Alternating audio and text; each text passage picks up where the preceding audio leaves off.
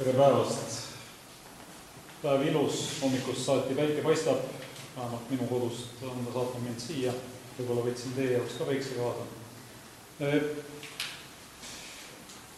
mina olen olnud Tartu Hoiu-laenuühistu liige, ma arvan, seitse aastat ehk oluliselt vähem kui mõned eelkõnelejad, võib-olla pisut rohkem, kui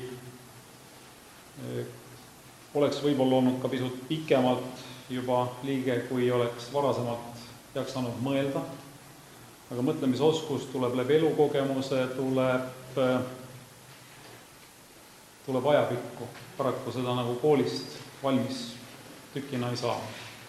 mõtlesin rääkida täna teile ühe niisuguse pisukese muinasjutu,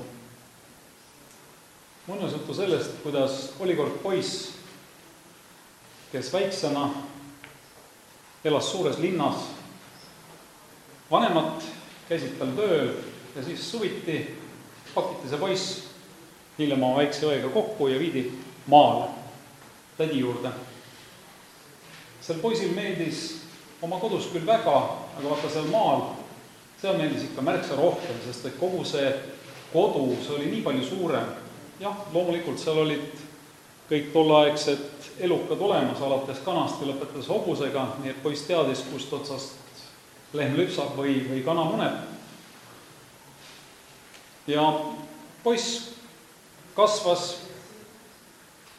tal tekkis mõte, et tegelikult võiks ka teiste laste kodud olla samasugused nagu tema suvine kodu.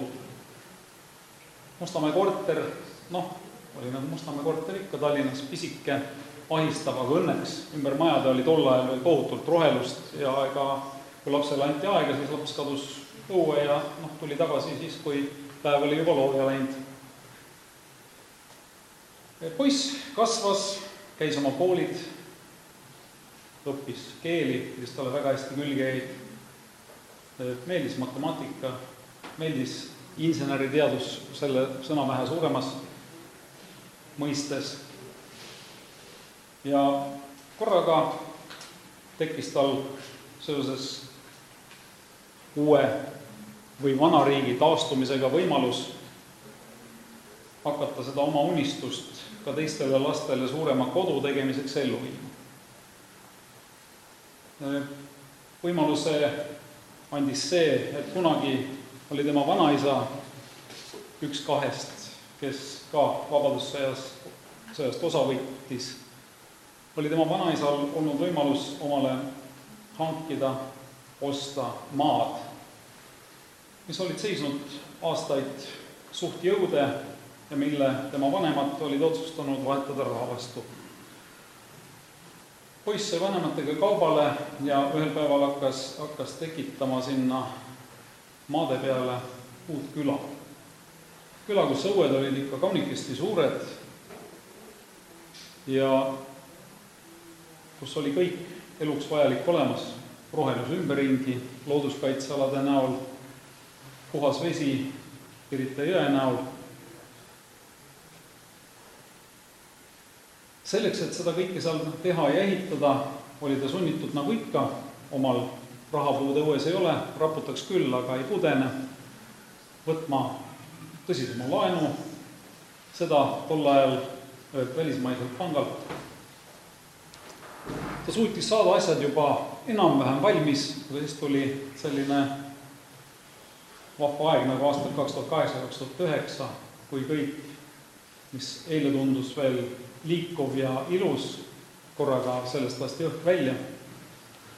ja ka seesama pank, kust oli võetud laen, otsustas, et ei, tegelikult pole sel poisil vaja majandada seal edasi midagi, et lõpetame tema toimetused ära ja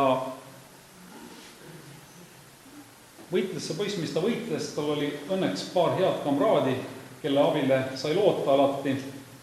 Ja läbi nende kamraadide jõudis ta siis ühel päeval Tartu Hoiu-laenuühistu juurde.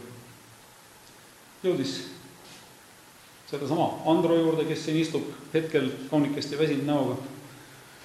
Ja rääkis oma loo ja oh imet terve suur hulk poisse otsustasid, et teeme sellele välismaisele pangale ära, anname sellele poisile, kellel häda on, selle raha, mis tal vaja on, et saab asjaga edasi minna. tänu sellele abile saigi küla valmis. täna on seal külas elamas kolmkümmend peret, üle kaheksakümne inimese. laenud Tartu Hoiu-laenuühistule on praktiliselt tagasi makstud. Ehk siis see poiss on teinud omalt poolt kõik, et õigustada nende poiste usaldust, kes täna ilmselt ju siin saalis istuvad, nende investorite või, või siis rahapaigutajatena. Ja saanud valmis ühe asjaliku asja. Selle küla ehitamise juures küll juba pisut varem tundis poiss, et ta tahaks ju veel midagi teha, tahaks, tahaks selle kogukonnaga toimetada ja laskis Ulliki ennast veel ka külavanemaks valida. täna on ta olnud siis külavanem kakskümmend üks aastat. ja osaleb ka nendel kohalike omavalitsuste valimistel nüüd siis küll kolmandat raksu juba, just nimelt sel põhjusel, et äh,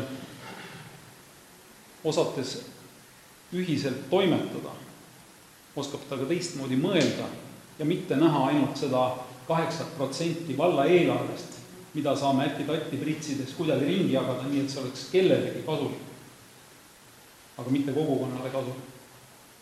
et äh, olen siis Kose vallast Kotiviski külast, Jaanus nimi, nagu kuulsite. kandidaadi number on mul sada kakskümmend, olen valimisliidus. Meil ei ole seal erakonnad Kose vallas täna enam ei, ei määra midagi. kuigi EKRE on nüüd tulemas ja see on väga tore, aga sotsid proovisid, lasti õhk välja. ehk nende valimiste tulemusel ma soovin, et meil volikogus ei oleks kaks vastaslauda, kus vastandutakse, vaid meil on seal huvitava nimega valimisliite nagu Uus Aeg ja nii edasi ja nii edasi, aga see uus aeg võikski sisuliselt tähendada seda, et kogu see saalitäis rahvast, neid samu kogukonna esindajaid teeb ühiselt tööd, mitte ei vaata milline parteipilet kellelgi taskus on ja millised juhtnärid kusagilt tulevad. kõik, rohkem teie aega ei võta. aitäh!